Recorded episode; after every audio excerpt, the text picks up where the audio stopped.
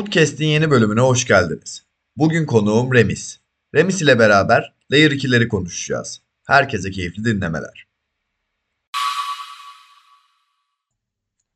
Remis hoş geldin. Hoş bulduk. Selamlar herkese. Selamlar. Nasılsın? İyisin umarım. Bu aralar çok iyiyim. Her şey çok güzel gidiyor. Nazar değmesin. Umarım bozulmaz. Senin nasıl gidiyor? Öncelikle sana maşallah diyeyim. İnşallah bozulmaz istediğin gibi gider. Bizim de gayet iyi gidiyor. Yoğun bir programdayız biliyorsun. Sürekli bir arka planda çalışmalarımız var. Her şey gayet yolunda gidiyor. Bugün de Layer 2'leri konuşmak için bir araya geldik. Hem Layer 2'ler hem de airdroplardan bahsedeceğiz. Biliyorsun kullanıcılarımızın sevdiği ve ilgili olduğu bir alan burası. Ama öncesinde ben senden eee, bir klasik sorumuzu sorayım. Senden biraz bilgi alalım. Malum sorumuzu biliyorsundur. Hani kriptoya nasıl başladın? Geçmişinden bize bahsedebildiğin kadar bahsedersen dinlemek isteriz. Tabii ki. Ee, öncelikle ben 2017 Mart ayında başladım ilk kriptoya. Ee, kriptoya girdiğim zaman Bitcoin 4000 TL civarındaydı. İlk Bitcoin'imi o zaman aldım. Böyle işte klasik her acemi trader'ın yaptığı hataları yaptım. İşte 4000'den alıp 4200'den falan sattığım zaman 4200 TL'den böyle acayip seviniyordum 200 TL kazandım diye. Tabii bu kadar potansiyelli olduğunu bilmiyorduk. İşte 2017 boğasının tam başlangıç seviyeleriydi o zaman. 2017 boğasında girdim diyebilirim sektöre. Sonra işte 2018-2019 ayı piyasasını da gördüm. Orada biraz böyle bakiyeler eridi, işte moraller, psikolojiler bozuldu falan. Bir süre ara verdim kriptoya. Yani ufaktan takip ediyordum ama ucundan da böyle soğumuştum yani bu ayı piyasası dolayısıyla. Sonra 2020 Mart'taki büyük çöküşten sonra tekrar kriptoda böyle artık NFT'ler, DeFi e, tarafındaki gelişmeler gelişmeleri gördükten sonra potansiyeli görüp tekrar piyasaya girdim. E, kripto Twitter'da paylaşım paylaşımlarım da yani yaklaşık bir yıldır devam ediyor. Bir yıl, bir yıl öncesine kadar hiç paylaşım yapmıyordum Twitter'da. Daha sonra işte Hoodies ekibindeki Hoodies ekibiyle tanışma dönüm noktası oldu diyebilirim. Sonra da artık buralara geldik. Gayet güzel, tecrübelisin bayağı o zaman sen. Hani e, ben de iki yıl önce girmiştim. Bir yıldır da içerik üretiyorum.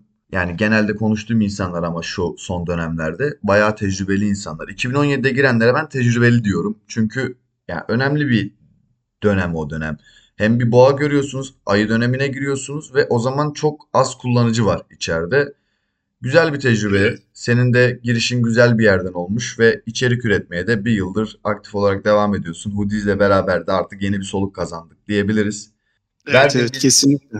verdiğin bilgiler için de çok teşekkür ediyorum. O zaman konumuza geçiyorum. Tabii ki. İlk sorumu sorayım sana. Layer 2'ler nedir? Layer 2'ler bir genel manada bir ölçeklenme çözümüdür. Ee, günümüz blockchain'lerinde bir trilema sorunu vardır. Yani Merkeziyetsizliği, ölçeklenmeyi ve güvenliği aynı anda çözemiyor hiçbir blockchain. e, Layer 2'lerin asıl amacı bu bu sorunu ortadan kaldırmak, bu trilemayı ortadan kaldırmak. Atıyorum en bariz şekilde Ethereum'u baz alalım.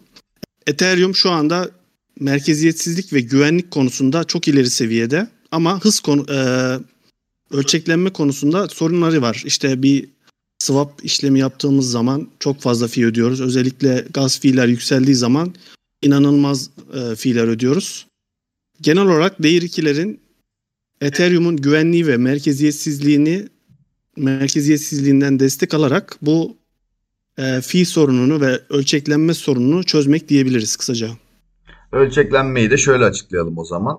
Ölçeklendirme sorunu aslında genel perspektifte baktığımızda bu gaz maliyetlerinin, fee maliyetlerinin yüksek olması. Doğru anlıyorum değil mi? Evet. Şu açıdan da bir soru o zaman sorayım sana. Layer 2'ler neyi yaparak ölçeklendirmeye yardımcı oluyorlar? Hangi özelliği sunarak ölçeklenmeye yardımcı oluyorlar? Ethereum'da bloklar sabit olduğu için yani blok kapasitesi artıram, artırılamadığı için işlemler arttığı zaman işlem ücretleri artıyor. Yani bloğa girmek için herkes daha fazla ücret ödüyor ve bu sayede işlem ücretleri artıyor. Layer 2'ler burada ne yapıyor? Bu yapılan işlemleri bloğun Ethereum ağının dışına taşıyorlar. Yani Ethereum ağındaki yapılan işlemler çok daha küçük ve sıkıştırılmış halde ve paket olarak Ethereum ağına gönderiliyor.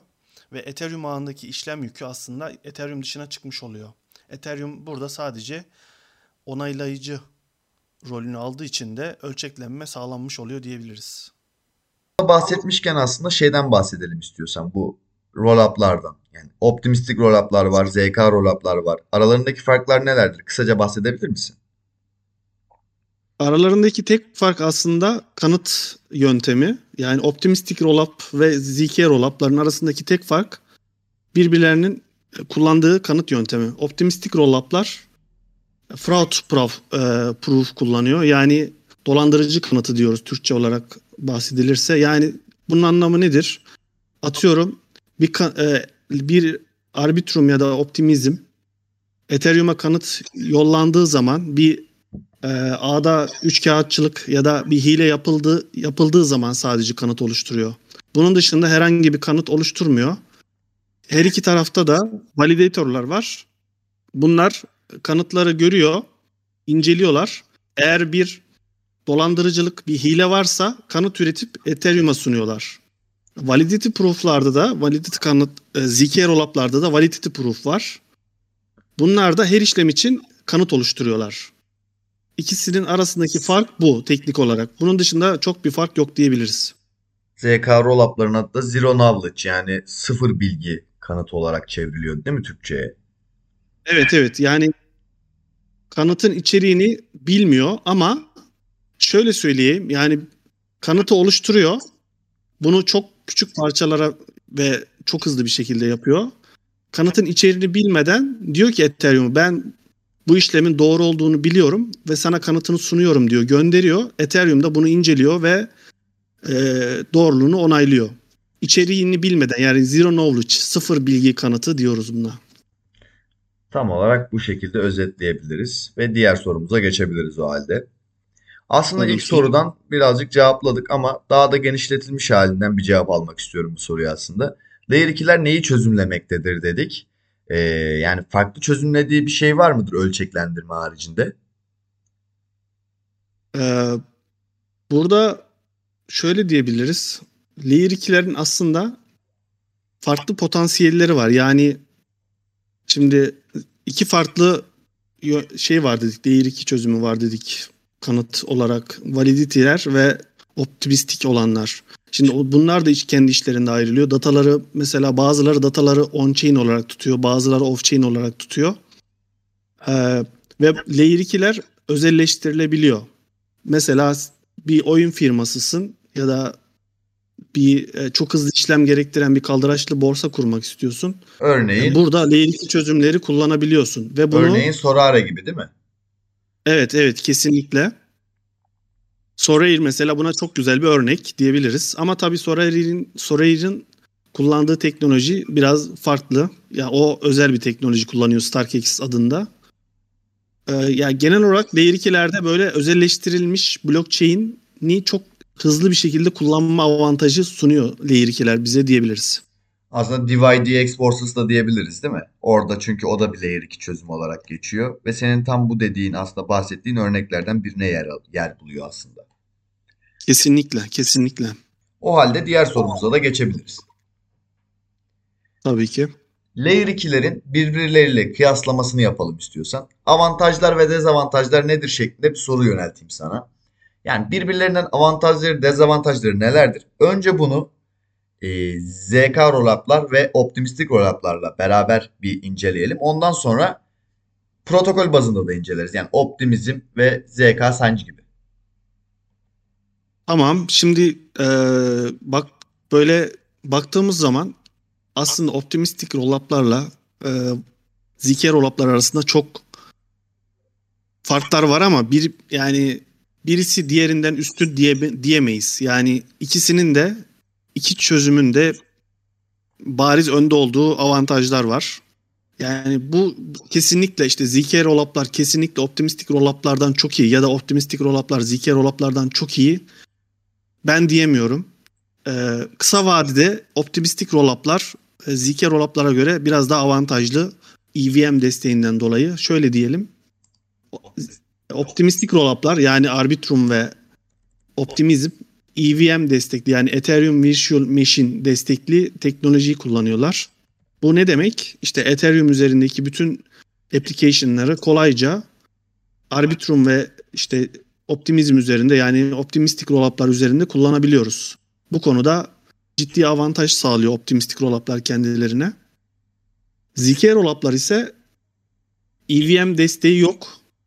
Ama e, transaction ve teknoloji olarak çok ileri teknoloji sunuyorlar. E, tran, e, gerek hız olsun.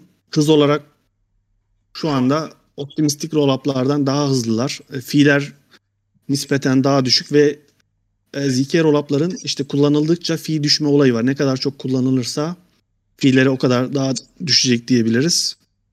ZK rollup'lar uzun vadede daha avantajlı hale geliyor kısaca. Böyle söyleyebiliriz. Ayrıca ZK rollup'larda e, özelleştirilebilir blockchain'lerde kurulabiliyor. Biraz daha açar mısın bu noktayı? Mesela bu arada ZK rollup'larda şöyle mesela ZK Sync özelinde konuşacak olursak ZK Sync EVM uyumlu bir e, teknoloji üzerinde çalışıyor. Starknet, e, Starkware ise Starknet ağında daha çok e, bu işte Layer 3 kavramını getirmeye çalışıyor. Yani özelleştirilebilir blockchain'ler üzerine çalışıyor. İkisinin de tabii farklı özellikleri var. ZK Sync'in amacı işte EVM uyumlu olup Ethereum'daki ve optimistik rollup'lardaki avantajları kendi lehine çevirmek. Ee, Starkware'in yaptığı Starknet ise daha çok böyle çok on-chain olarak çok daha hızlı, çok daha özel blockchain'ler e, oluşturabilmek diyebiliriz. Aslında şimdi daha net oldu. Yani şöyle EVM dediğin durumda da EVM tabanlı olduğunda mesela MetaMask'a direkt RPG girerek cüzdana eklenebiliyor. Ama mesela e, Starknet'te böyle bir durum söz konusu değil bildiğim kadarıyla. Evet, evet. Çünkü EVM uyumlu değil. Aynen. Aslında Onlar şöyle diyebilir miyiz? Yani EVM uyumlu sidechain'ler bunlar birer. E, sidechain e, demek tam doğru olmayabilir ama şeyler için, optimistik rollup'lar için konuşursak EVM uyumlu bir blockchain diyebiliriz. Ya benim gözümde hep böyle sidechain olarak kaldıkları için yani aslında en iyi oturttuğum yer o. Yani şey olarak bakmıyorum. Çözümleri haricinde sidechain gibi duruyorlar gözümde. Çözümleri evet yani evet. sundukları şey e, olarak öyle evet öyle görünüyorlar doğrudur. Ama aslında ben param arbitrumdayken de şunu biliyorum. Ethereum güvenliğini taşıyorum. Ama bana verdiği bana Evet. sorarsan en önemli yarar da bu geliyor. Evet evet zaten e, rollup'ların diğer işte la- layer 1 e, blockchain'lerden ayrılan en büyük özelliği bu. Ethereum güvenliğini ve merkeziyetsizliğinin arkalarına almaları. Yani şöyle düşünelim. Yani niye layer 2'leri tercih ed- eder insanlar ya da etmek ister? Çünkü Ethereum şu anda blockchain dünyasındaki en merkez Bitcoin'i saymaz, saymazsak eğer en merkeziyetsiz ağ. Yani milyarlarca dolarını sen güvensiz bir ağa mı teslim etmek istersin yoksa güvenliğini büyük ölçüde kanıtlamış e, en çok güvenebileceğin bir ağa, ağa mı teslim etmek istersin? E, Burada işte Layer 2'lerin önemi ortaya çıkıyor diyebiliriz. Tabii ki de güvenli bir ağa teslim etmek isteriz ve normal kullanıcıyı da Ethereum'la bağlantılı yani aslında işlemlerini Ethereum güvenliğinde yapmasını sağlayacak olan ağ- e, ağların yani çözümlerin de sahibi Layer 2'ler. Çünkü önceden hatırlarsın yani Layer 2 çözümlerden önce yani Ethereum'da çok yüksek fiiller görüyorduk. 50-100 dolar. Ağ sıkışıyordu. Yani V'yi artınca fazla maliyetler görüyorduk. Şimdi Arbitrum ve Optimism veya ZK Science bunu düzeltmeye geliyoruz mottosuyla geldiler zaten ilk. Ve en çabuk yayılmalarının sebebi de buydu. Aslında derinlemesine araştırdığımızda çok daha derin bir konu ve e, farklı aslında zevk, farklı şeyler de var. E, Validium gibi vesaire gibi farklı layer 2'ler de var. Sadece popüler değiller. Optimistik ve ZK'lar gibi. O yüzden e, biz sadece optimistik ve ZK'ları konuşuyoruz. Ve aslında şuradan şuna bağlayabiliriz buradan. En değerli konulardan birine. Layer 2'lerin kendi natif tokenlarına ihtiyacı oluyor bildiğim kadarıyla. Bu Evet. natif tokenların ilki Optimism tarafından geldi. kendi token'ını çıkarttı ve erken kullanıcılarına belirli kriterler karşılığında airdrop yaptı. Sıradaki Evet. beklentilerimiz Arbitrum en kısa zamanda ve Starknet ve diğer e, Layer 2'ler olarak devam ediyor. Şimdi senden burada biraz birkaç briefing isteyeceğim. E, Flokin de dediği gibi insider isteyeceğiz. Hani bu airdroplarla alakalı herhangi bir bilgin var mı veya beklentilerin nelerdir? Tabii ki de yatırım tavsiyesi olmayacak şekilde bu bilgileri senden duymak istiyoruz. Tabii ki yatırım tavsiyesi değildir. Ee, benim de Evet. böyle e, spesifik olarak bir insider bilgim yok. Tamamen e, beklenti ve e, piyasadan araştırdığım bilgiler dahilinde söyleyeceğim, söyleyeceklerimi.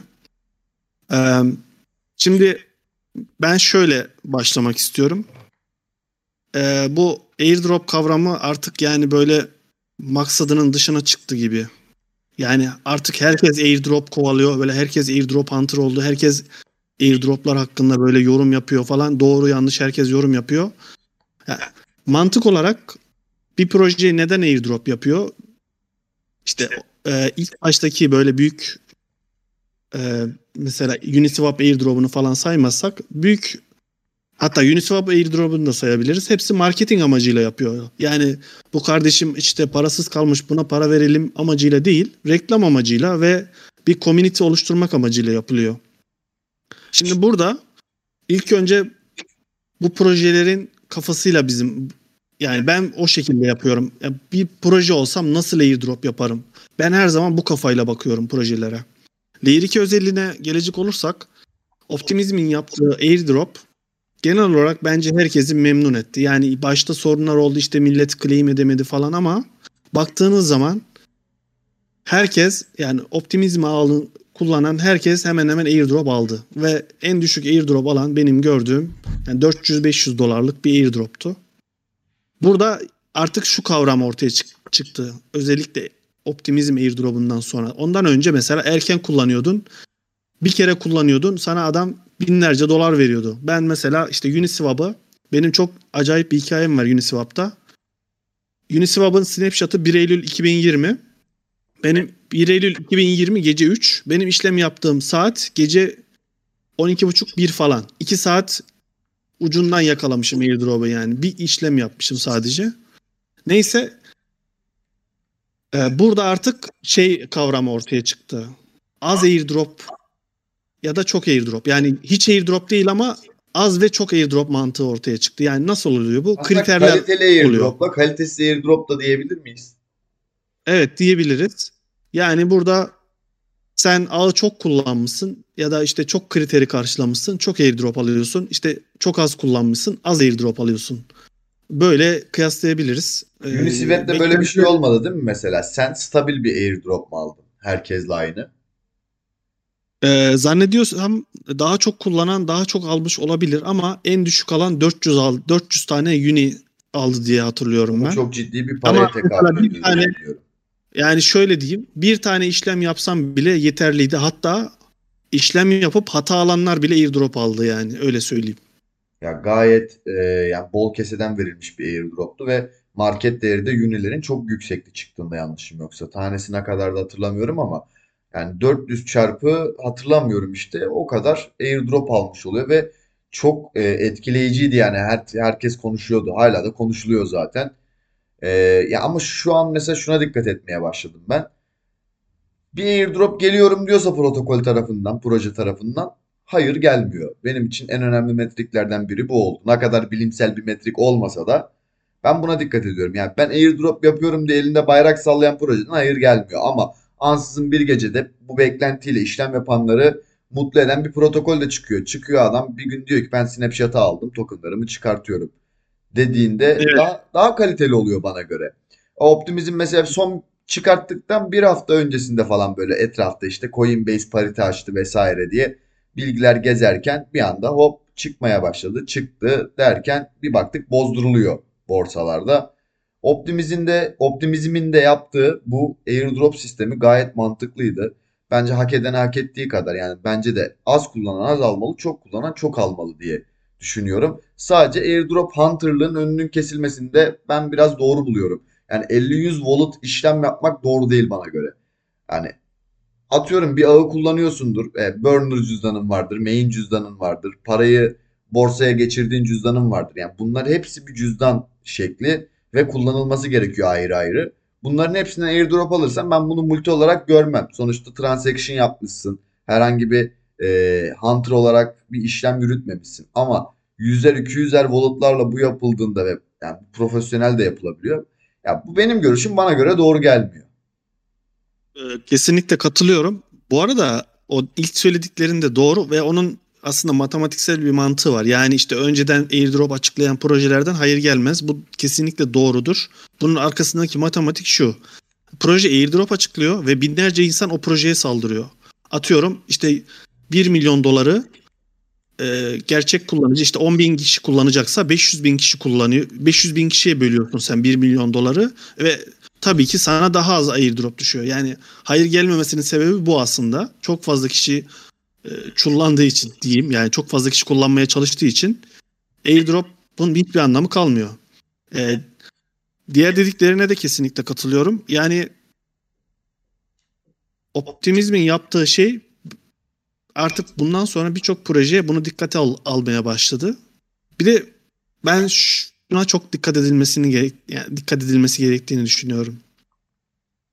Hangi projede airdrop yani mesela bir projeden sen airdrop bekliyorsun ama hani neye göre bekliyorsun? Twitter'da bir fenomen dedi diye mi? Yoksa işte Discord'da bir admin e, bu vardır ya hani iki göz işareti. işte göz kırptı diye mi? evet. Yani Evet. buna göre eğer airdrop kovalıyorsan buna göre airdrop kovalıyorsan yanlış yapıyorsun. Neden? Şimdi bir proje reklam amacıyla airdrop yapıyor değil mi? Bu projenin eğer yeterli miktarda parası yoksa ben bunu daha önce de bahsettim de bu projeden çok fazla airdrop beklememen lazım. Ne olur? O proje seni kullanır. Şimdi mesela belki görmüşsündür. Twitter'da çok fazla insan yakınıyor işte bizi köle gibi kullanıyorlar. İşte bize o at aldırıyorlar. Bize işte olmaz şeyler yaptırıyorlar. Bu isyanları bu arada haklı buluyorum ama ve düzgün araştırılmadığını da görüyorum. Mesela parası olmayan bir proje seni kullanır abi. Parası olan proje gider, sana airdrop'unu atar, sen memnun olursun, proje memnun olur, herkes yoluna bakar. Sen eğer ciddi anlamda airdrop bekliyorsan e, parası olan, ekibi sağlam olan güzel projelerin arkasından bak- gideceksin ve onların ödül artık ben airdrop da demek istemiyorum. Yani ödül demek artık bu airdrop kavramından çıktı artık. Yani kullanıyorsun, kullanıyorsun, sana ödül veriliyor. Yani tam an airdrop kavramı da artık değişti diyebiliriz bu son gelişmelerle birlikte. Ee, ben artık ne yapıyorum? Mesela e, biraz daha benim filtremi e, şey yaptım, daralttım. Artık çok az projeyle paylaşım yapıyorum. Belki dikkat etmişsindir. Evet. Çünkü çok fazla proje suistimal etmeye başladılar. Dediğimiz gibi işte bu komüniteyi kullanma olayı. Ya- Ama sağlam proje sağlam proje görürsem de bu e, ya verdikleri görevleri dikkat ediyorum. Yani anı o projeyi kullanmaya çalışıyorum. Çünkü o projenin bana katkı vereceğine inanıyorum ve düşünüyorum. Ya ben Burada bunu- işte Evet, sen devam et sonra ben şey. Ha, burada da işte benim işte ana odaklandığım projeler Layer 2 projeleri. Layer 2 projeleri işte bunun çok büyük bir örneği var. İşte Optimism. Ee, bunun dışında işte Starkware'in e, ürünleri olan işte StarkX ürünleri var. İşte e, DYDX mesela çok iyi airdrop attı. Immutable X de mesela o da StarkX ürünü. O da iyi airdrop attı. İlk bunlarla başladı. Sonra işte Optimism devreye girdi. Ve burada Layer 2'lerin de e, kendine yer açmalar için ve bir reklam, bir komünite oluşturmalar için bu projelerden airdrop bekliyoruz ve bunlar küçük proje değil yani bir basit bir köprü projesi ya da EMM işte merkeziyetsiz borsa değil. Bunlar çok büyük projeler. Ya büyük proje büyük airdrop atar. Zaten bu böyledir. Biz son zamanlarda en büyük projelerden Layer 2'lerin en büyük Total Volley Allocate dediğimiz o TVL oranının en yüksek olduğu Arbitrum. Oradan beklenen bir çok büyük airdrop var ama o da biraz işin tadını kaçırdı gibime geliyor. Hani Odyssey etkinliği yapacaktı. Nitro'ya ertelediler. Nitro açıldı hala ortada ses yok. Bana sorarsan Odyssey'i de iptal edecekler gibime geliyor. Hani en büyük beklenti şu anda Arbitrum'da. Ama çok fazla kullanıcı oldu diye görüyorum ben bir yandan da. Çünkü Arbitrum bir şeyleri yanlış yönetiyor gibi geliyor bana son zamanlarda bu konuda. Aslında geç kaldılar gibime geliyor. Uptrend'i bekliyorlarsa da eğer şu an şu anda uptrend'in yani kriptoya iyi bir dönemin gelmesini bekliyorlarsa da biraz önümüz açık değil bu konuda da. Yani ne yapacaklarını Ben- kendileri daha iyi bilirler aslında o konuda. Ben aslında farklı düşünüyorum bu konuda. Arbitrum'un e, uyguladığı strateji bana göre çok iyi. Yani marketing olarak gerçekten hakkını veriyorlar. Şöyle söyleyeyim.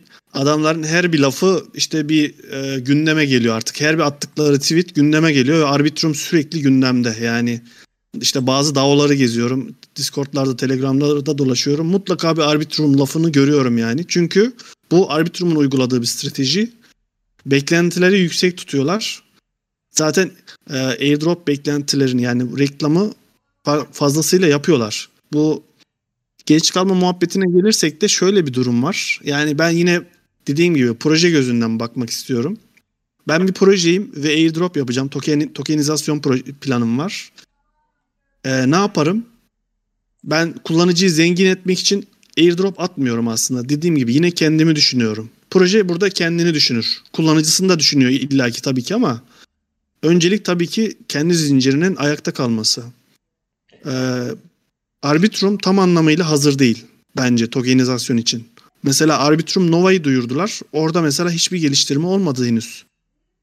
Ondan sonra Nitro yeni çıktı. Mesela Arbitrum geçen sene çıktığında biz köprüleri yaptık, gönderdik tokenleri. Yani 2021'in sonunda diyorduk ki Arbitrum Snapshat'ı almıştır. Artık bence işlem yapmayın diyorduk. Yani kendi aralarımız, kendi aramızda konuşurken. Yani bir sene önce neredeyse Arbitrum Snapchat almıştır diyorduk. Ama sonra fark ettik ki işte Odyssey ile birlikte mesela Arbitrum hazır değilmiş. Ee, fark etmişsindir Odyssey et- etkinliğinde çok fazla sorun oldu. İşte inanılmaz fiiller ortaya çıktı Arbitrum ağı. Kullanılamaz hale geldi neredeyse. Şimdi Nitro'yu çıkardılar. Arbitrum ağı stabil çalışıyor ama bir stres testini görmedik mesela Arbitrum'da. Ben Odyssey'in bu arada yapılacağını da düşünüyorum yani bu sebeple. Çünkü Arbitrum Odyssey etkinliği tam bir stres testi oluyor. Yani o ağ böyle tüm yoğunluğuyla test edilmiş oluyor. Ve Arbitrum'un bunu gör- görmek isteyeceğini de ben düşünüyorum. Ee, Ama- Bir sebep de şöyle. Evet. Tokeni mesela tokenomics. Arbitrum'un tokenomics'i nasıl olacak? Atıyorum işte bir boğa döngüsü diyoruz ya işte 4 yılda bir işte Bitcoin'in halving e, döngüsüyle beraber Bitcoin e, kripto piyasasında da aslında boğa ve ayı döngüleri oluşuyor otomatikman. Bu yani üçüncü döngü falan olacak galiba yanlış bilmiyorsam. Bunları da Arbitrum ekibi hesaba katıyor olabilir ama bunun için e, bu ayı beklemeyecekler. Çünkü bir projenin tok- ayı piyasasında token çıkarması o proje için daha iyi. Bunu aslında sizin gibi daha önceden giren kişiler işte daha tecrübeli olduğu için daha iyi bilebiliyorlar.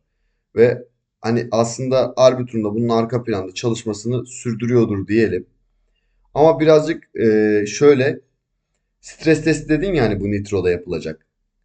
Ya Evet. şöyle diyelim Odyssey'e katılan bütün herkese verirlerse o airdrop'tan bir hayır gelmeyecektir zaten. Ya asıl Tabii tabii benim yani benim düşündüren önemli olan olay da bu. Ya çünkü Ya- biliyorsun Hunter olarak çok kişi davet ediyorsun sen. Göstere göstere airdrop yapacağım demektir bu. Ama şöyle düşünüyorum. Odyssey'in bir çarpan olacağını düşünüyorum. Evet evet kesinlikle. Burada yani mesela ben yine böyle proje gözünden bakacağım ama şöyle diyeyim. Optimizm yaklaşık 250 bin tane cüzdana airdrop attı. Yanlış hatırlamıyorsam ve bu- bu cüzdanların yarısı sadece claim etti biliyor musun? Yani 125 bin kişiye airdrop gitti başlangıçta.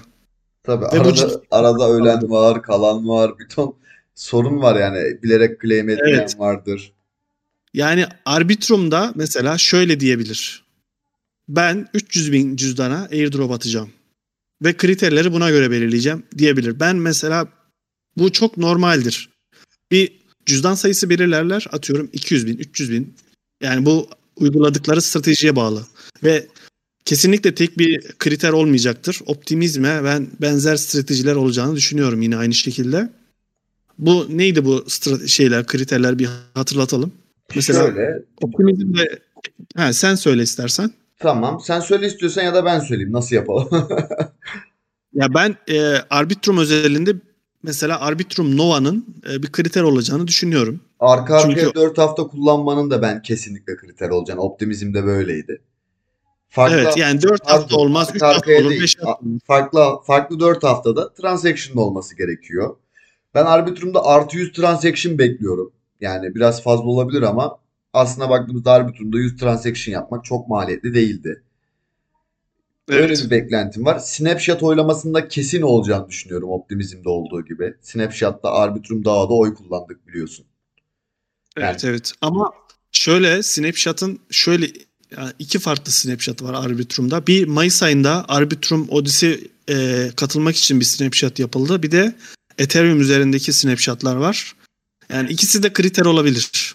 Biri az kriter olur, biri çok kriter olur gibi düşünebiliriz. Yani onu pek ayırabilirler mi bilmiyoruz ama yani ben kriter üzerinden gideceklerini aldığım gibi eminim. Yani tek de işte sen Arbitrum kullandın sana veriyoruz demeyecekler diye düşünüyorum. Optimizm'den bir ilham alacakları artık yani gözümde garanti gibi oldu. Ki Arbitrum'a da çok fazla zaman ayırdık. İstersen Starknet'i sorayım bir de sana. Starknet'te beklentiler nedir? Yani Starknet aslında daha yeni. Evet. Ya Starknet'teki beklentiler büyük şeyden dolayı daha önceki StarkX ürünlerinden dolayı işte DYDX ve Immutable X airdroplarından ötürü Evet. ve Starkware'in e, yaklaşık 8 milyar dolar değerlemeli bir şeyi var, değeri var. Yani e, likidite olarak çok büyük bir şirket. O yüzden beklentiler yüksek. Ya bu tarafta zaten Starkware'in e, Stark tokeninin şeyi tokenomics'i açıklandı bili- biliyorsundur geçtiğimiz zamanlarda.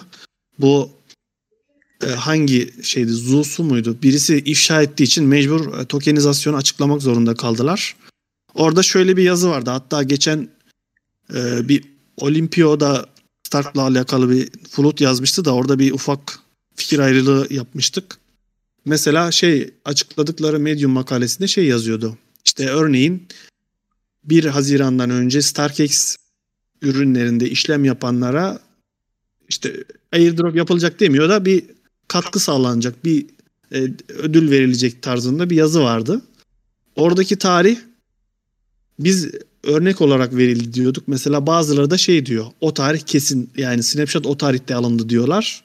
İşte bunu mesela sordu sormuşlar Discord grubunda Starknet'in. O tarih örnek olarak verildi denmiş. Yani bizim beklentimiz şu. Bir tarihte snapshot alınacak. StarkX ürünleri kullanan kullanıcılar ödüllendirilecek Star Token'la. Bu StarkX kullanıcı ö- e, ürünleri de ne? Sorare, Immutable X, DivideX ve Diversify yeni adıyla Rinofi. Bu bir kriter. Bir de Starknet ağını kullanmak şu anda Köprüyü görünen. kullanmak, köprü uygulamalarını kullanmak, diepleri kullanmak, transaction kasmak diyelim bir de. Evet bir de ben e, şunu söylemek istiyorum. Starknet özelinde ve diğer bütün Layer 2'ler özelinde Ethereum ağını kullanın. Ethereum ağında transaction'ınız olsun. Yani sen işte Ethereum ağında iki tane transaction'ın var. İşte Arbitrum'da 500 tane trans- transaction'ın var. Arbitrum mesela gidip de Ethereum ben kardeşim Ethereum'un şeyim yani çocuğuyum. Ethereum'a değer vermiyorsan bana değer verme. Yani e, deyip Ethereum kullanıcılarını da ödüllendirebilir. Yani Senin bu anlatabiliyor muyum? Arbitrum yaparsa eğer çok büyük airdrop alır. Ethereum cüzdanında transaction olanlar ve Arbitrum cüzdanında eligable diyoruz yani. Eligable'da açıklayalım. Yeterlilik diyelim. Eligable Evet. olanlar senin bu dediğin şekilde hem Ethereum'daki transaction'lara bakılarak olursa alanlar çok büyük ödül alır gibime geliyor. Bence öyle bir şey yapılabilir. Yani Arbitrum mu yapar, ZK Sync mi yapar yoksa Starkware mi yapar bunu bilmiyorum ama Layer 2'lerden mutlaka böyle bir hamle bekliyorum. Bu arada Layer 2'leri bu işte Arbitrum, işte Optimism, ZK Sync, Starknet olarak düşünmemek lazım. Layer 2'ler daha bebek yani yeni doğdular ve birçoğu da yolda yani. Portakalda vitamin diyebiliriz. Yani- Birçok 2 çıkabilir bu arada. Yani Ve onlar da airdrop yapabilir.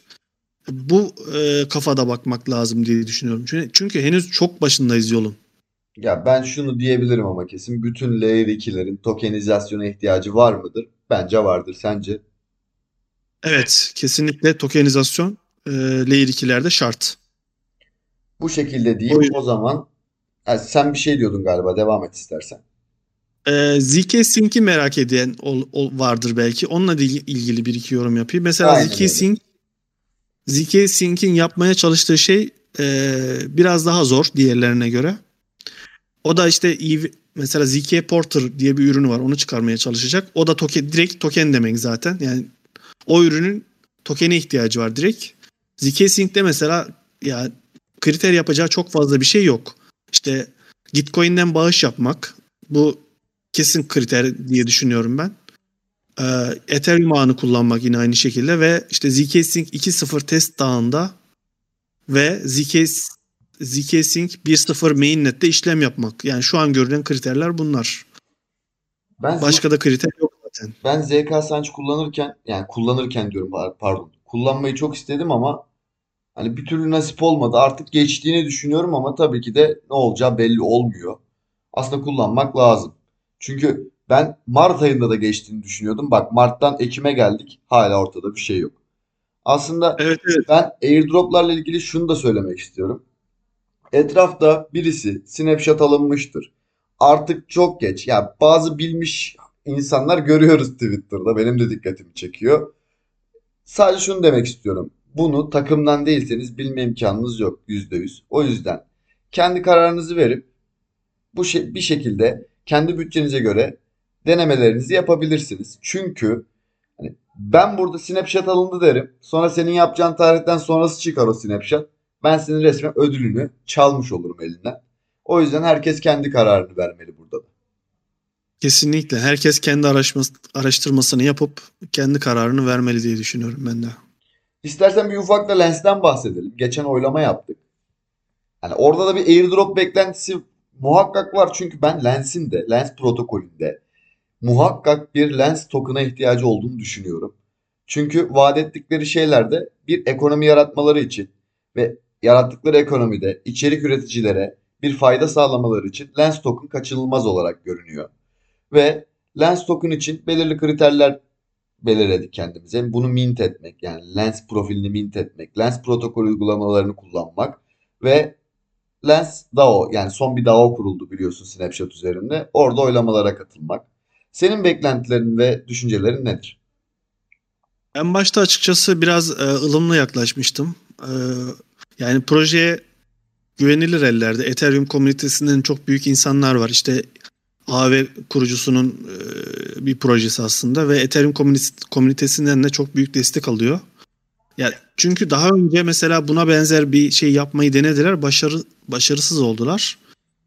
E, ama Lens özelinde şu anda ilerle, ilerledikleri konsept çok iyi gidiyor. Yani aslında direkt sadece bir e, proje oluşturmuyorlar. Bir e, Web3 sosyal altyapı oluşturuyorlar. Bu çok önemli bir şey bence. Yani bu vizyonda gitmek e, başarının bir anahtarı diyebiliriz. Şöyle söyleyelim. Mesela bu proje başarısız bile olsa birçok şeyin e, altyapısını oluşturuyor Lens şu anda. Birçok şey öğreniliyor bu projeden. Ve ben bu arada başarılı olacaklarını da düşünmeye başladım ciddi anlamda. Yani yakın zamana kadar kaygılarım vardı. Bu işte Lens üzerindeki projeler için söylemiyorum. Lens protokol yani bu sosyal altyapı hakkında konuşuyorum. Yakın zamanda işte Ethereum Name Service'le de anlaşma duyurdular mesela. Yani çok iyi gidiyorlar şu anda ve güzel de bir komünite oluşturdular. Bu komitenin içerisinde biz de varız. O, o yönden de ayrıca çok seviniyorum. Ve erken bir kriter- zamanda giriş yaptık. Haziran ayı falan çok erkendi Lens'e giriş için. Tabii ki tabii ki zaten Lens de çok eski bir e, protokol değil yeni yani çok fazla eski değil. Şu an yeni giren bile erken kullanıcı diyebilirim ben Lens için. Yani geç kalmış hiç kimse geç kalmış değil Lens protokol için. Ee, ekonomi olarak yani bu, bu protokolün bir şekilde ekonomik olarak e, ilerlemesi lazım. Bunun için de tokenizasyon şart tabii ki. Şu an Bence yani bunun airdrop için çok erken bence. Yani henüz daha tam olarak hazır değiller. Çok fazla üzerinde proje yok. Yeni yeni gelişiyor çünkü çok yeni bir alan. Web2'nin sosyal medyasının işte Web3'e taşınacağı bir zaman göreceğiz ama ne zaman göreceğiz bilmiyorum. Lens bunun e, ilk aşamalarını şu anda yapıyor. Yani Lens protokol önemli diyebilirim. Ben burada airdrop'un da can damarı yani atar damarı olacağını düşünüyorum. Çünkü Lens protokolü şu an eksik gördüğüm şey biraz daha kullanıcı çekilmesi. Yani reklamının yapılması. Gayet iyi bir kullanıcı kitlesine ulaşıldı ama daha fazlası gerekiyor ve daha fazlasını hak ediyor. Burada benim dikkat ettiğim şey şu. Bir airdrop gelirse eğer çok gayet iyi bir reklam da olacak herkes için. Yani hem protokol için iyi olacak hem de kullanıcılar için iyi olacak. Tabii ki evet. İstersen buradan Twitter'dan aldığımız sorulara geçelim ve yavaş yavaş kapanışa doğru ilerleyelim. Tamamdır. Bugün gelen sorulardan ya Arbitrum hep soruluyor zaten. Arbi Arbitrum için elimizden geleni yaptık demiş bir arkadaşımız. Peki demiş devamında ZK ve Stacknet için neler yapabiliriz demiş. 2023 olmadan Layer 2'ler yüzümüzü güldürecek mi diye sormuş. Aslında sorunun ilk kısmını cevapladık herhalde konuşurken. Zaten sorunun ilk kısmını fazla fazla cevapladık Arbitrum için. Son kısmında Aynen. da Zero Knowledge yani ZK Science ve Starknet için neler yapabiliriz diye sormuş. Ee, Starknet'in tokeni aslında Eylül ayında çıkacaktı. Öyle planlanmıştı ama bir duyuru yaptılar. Ee, bu işlemin gecikeceğini söylediler. Yakın zamanda bir Starknet'te şey olacak. State e, regenesis olacak. Yani ağ sıfırlaması demeyeyim de e, bunun benzeri bir şey olacak. Bundan önce zaten e, airdrop olmaz ya da işte tokenizasyon açıklaması olmaz. 2023'ün Ocak ayını falan bulur diye tahmin ediyorum ben Starknet özelinde. E, ZK Sync için de e, işte mainnet'e 2.0 mainnet'i her gün gün sayıyorlar asker şeyi gibi. şafak Askerlerin gün saydığı gibi, şafak saydıkları gibi. Eğer ZK Porter'ı açıklarlarsa mainnet zamanı o zaman da token açıklamış oluyorlar aslında. Token duyurusu da gelir diye düşünüyorum. Eğer ZK Porter'ı açıklamazlarsa o da yine bir 2023'ü bulur. Artık o ayını falan bilemem ama 2023'ü bulur. Arbitrum'un zamanına evet. gelirsek Arbitrum da yani bence hemen olmaz. Ben e, tam olarak hazır olduğunu düşünmüyorum Arbitrum'un da. Yani Odyssey'de yapılacağını düşünürsek o da 2023'ün ilk ayları falan olabilir diye düşünüyorum. Tabii bunlar tamamen varsayım. Herhangi bir şekilde bir duyumum vesairem yok. Önümüzce bahar ayında. Baharda böyle gelsinler. Hem bahar gelsin hem airdrop baharı gelsin. Zaten bir dönem oluyor biliyorsun. Airdrop dönemi diyoruz biz de döneme. Tam optimizmle başlamışken birden işte bu kripto yani kripto paraları ve dünyanın aslında genel ekonomik sorunlarından dolayı çöküşle beraber biraz rafa kalktı o işler. Yoksa ben olacağını düşünüyordum şimdiye kadar aslında diğerlerinin de. Evet evet. O bahar da çok güzel bir bahar oluyor ama ya. Yani oldu evet. mu var ya gerçekten bahar gibi bahar oluyor hakikaten. Aynen cidden airdropları claim ettikten sonra akşam böyle bahar havasında sahile inip mesela insan hani birazcık biraz real hayata yani gerçek hayata böyle biraz daha odaklanıyor falan daha güzel oluyor. hani görevini tamamlamış gibi hissediyor işte. Diyelim diğer soruya geçelim istiyorsan. Starknet'i mevcut Layer 2'lerden farklı kılan nedir? Kişiler neden Starknet kullansın diye sormuş 0x Selo abimiz Hudis ekibinden kendisi de. Ona selamlarımı iletiyorum buradan. Seviyorum kendisini. Aslında bunu, bunu da biraz bahsettik. Ee, Starknet'in mevcut Layer 2'lerden böyle özellikle spesifik olarak ayrılan yönü özel blockchain'ler oluşturması. Mesela Layer 3 katmanı oluşturabiliyorsun. Layer 3 katmanı oluşturduğun zaman orada özel blockchain'ler oluyor. Tamamen gizlilik üzerine, tamamen on-chain oyunlar üzerine. Yani hayal gücünün sınırları yok orada. Her şeyi yapabilirsin gibi Bu düşünebilirsin yani. bahsettiği subnetler gibi değil mi işte? Ee, Belki orayla kıyaslayabiliriz. Doğru mudur? Ya tam aynı bir kıyas olmaz ama şöyle söyleyeyim yani Ethereum'la aynı güvenlik seviyesinde ve çok ucuz fiillerle işlem yapacaksın. Ve ben atıyorum mesela Hudis protokolü. Hudis protokolün ayrı bir blockchain'ini oluşturabiliyorum değil mi? Layer 3 olarak.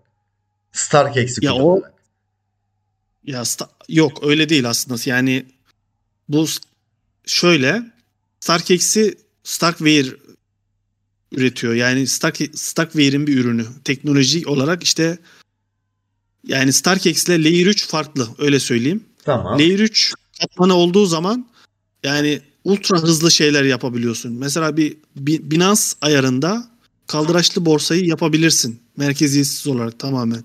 Ve bunu Ethereum güvenliğinde yapabilirsin. Öyle söyleyeyim. Yani bunu şu anda mevcut e, Arbitrum'da falan yapamıyorsun. İşte DivideX mesela Cosmos'a geçti ama niye geçti?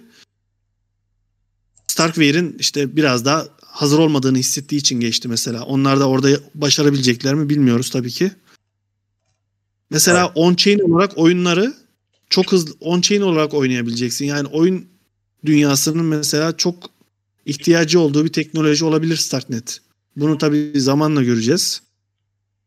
ZK teknolojisini şu anda en iyi e, yapan şirket Starkware. Yani ZK teknolojisini oluş tam, e, yaratan şirket diyebiliriz. Yani bu teknolojinin sahipleri bu şirkette çalışıyor ve bu teknolojinin ölçeklendirmeye katkısı konusunda çok fazla piyasada güven var.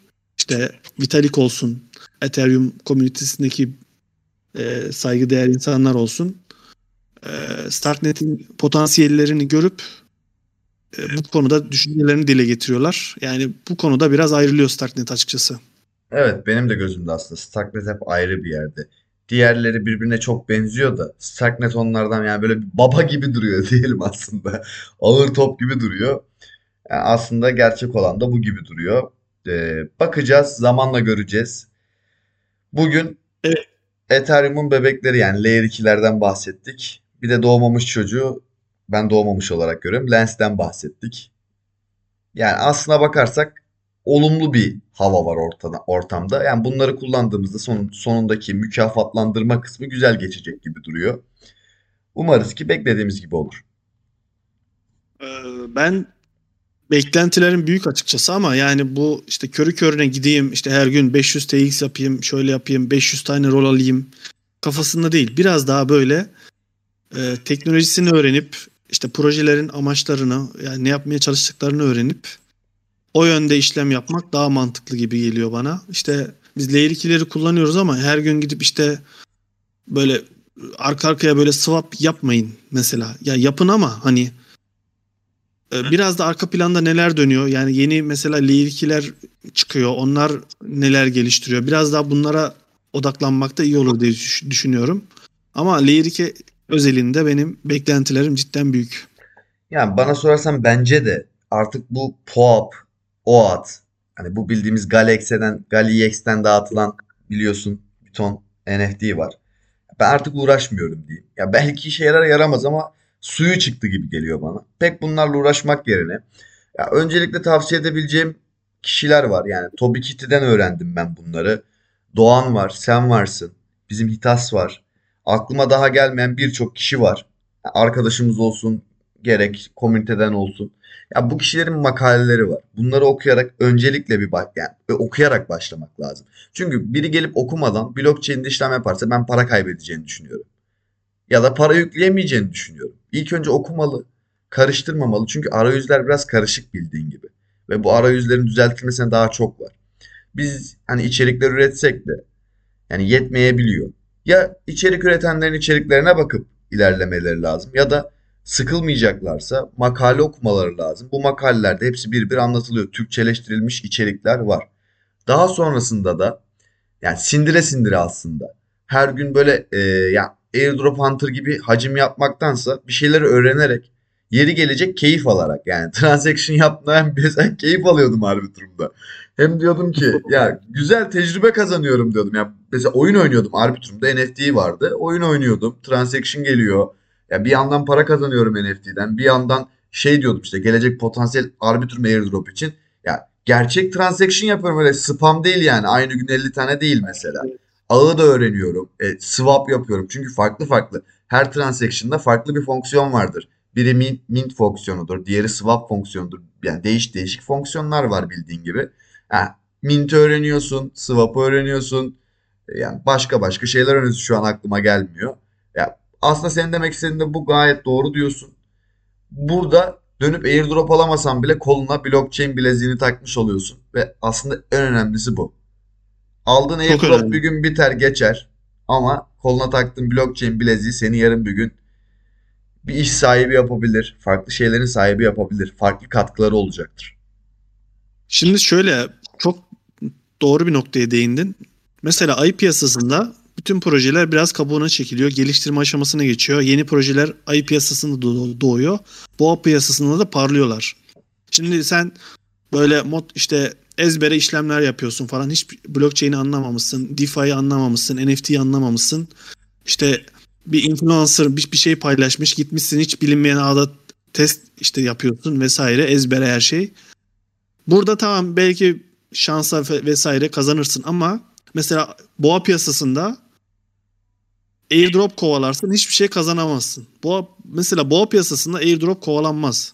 Yani koval- zaten projeler boğa piyasasına çıkmadan airdrop'unu yapmış olur ve o projeler artık komünitesini oluşturmuş, e, teknolojisini sağlamlaştırmış, ay yükselişe hazırdır.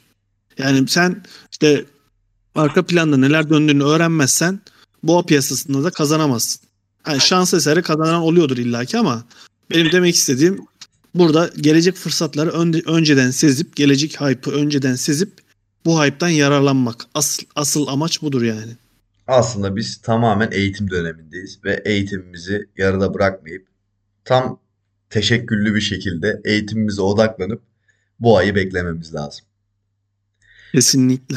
Gayet güzel bir sohbet oldu. Yani bize kattıkları için çok teşekkür ediyorum. Benim de bilmediğim şeyler vardı ve öğrenmiş oldum. Tekrar dinleyeceğim. Tekrar arada kaçırdığım bir yer varsa onları da öğreneceğim. Yani kısa, uzun lafın kısası az önce de bahsettiğimiz gibi dinlemekten, izlemekten ve okumaktan geçiyor bir şeyler öğrenmek. Bizi aydınlattığın için çok teşekkür ediyorum. Son olarak söylemek istediğim bir şey var mıydı? Ben de senden çok şey öğrendim gerçekten. Ee, beni davet ettiğin için çok teşekkür ederim. Ee, bu arada çok özel bir şey yapıyorsun. Bunu e, ya bugün onu düşündüm. Gerçek kullanıcıyı yani normal bir kullanıcıyı Web3'e çek, Web3'e entegrasyonu konusunda şu an yaptığın şey bence çok değerli ve çok kaliteli bir şekilde yapıyorsun. Ee, teşekkür ederim beni davet ettiğin için. Çok sağ ol. Biz de tekrardan teşekkür ediyoruz. Hem kullanıcılar adına hem dinleyiciler adına sana çok teşekkür ediyorum. Güzel e, övgülerin için de ayrıyetten kendim şahsım adına teşekkür ediyorum. Ve bu programı burada sonuna gelmiş bulunuyoruz. Bizi dinleyen herkese teşekkür ediyor ve iyi günler diliyoruz.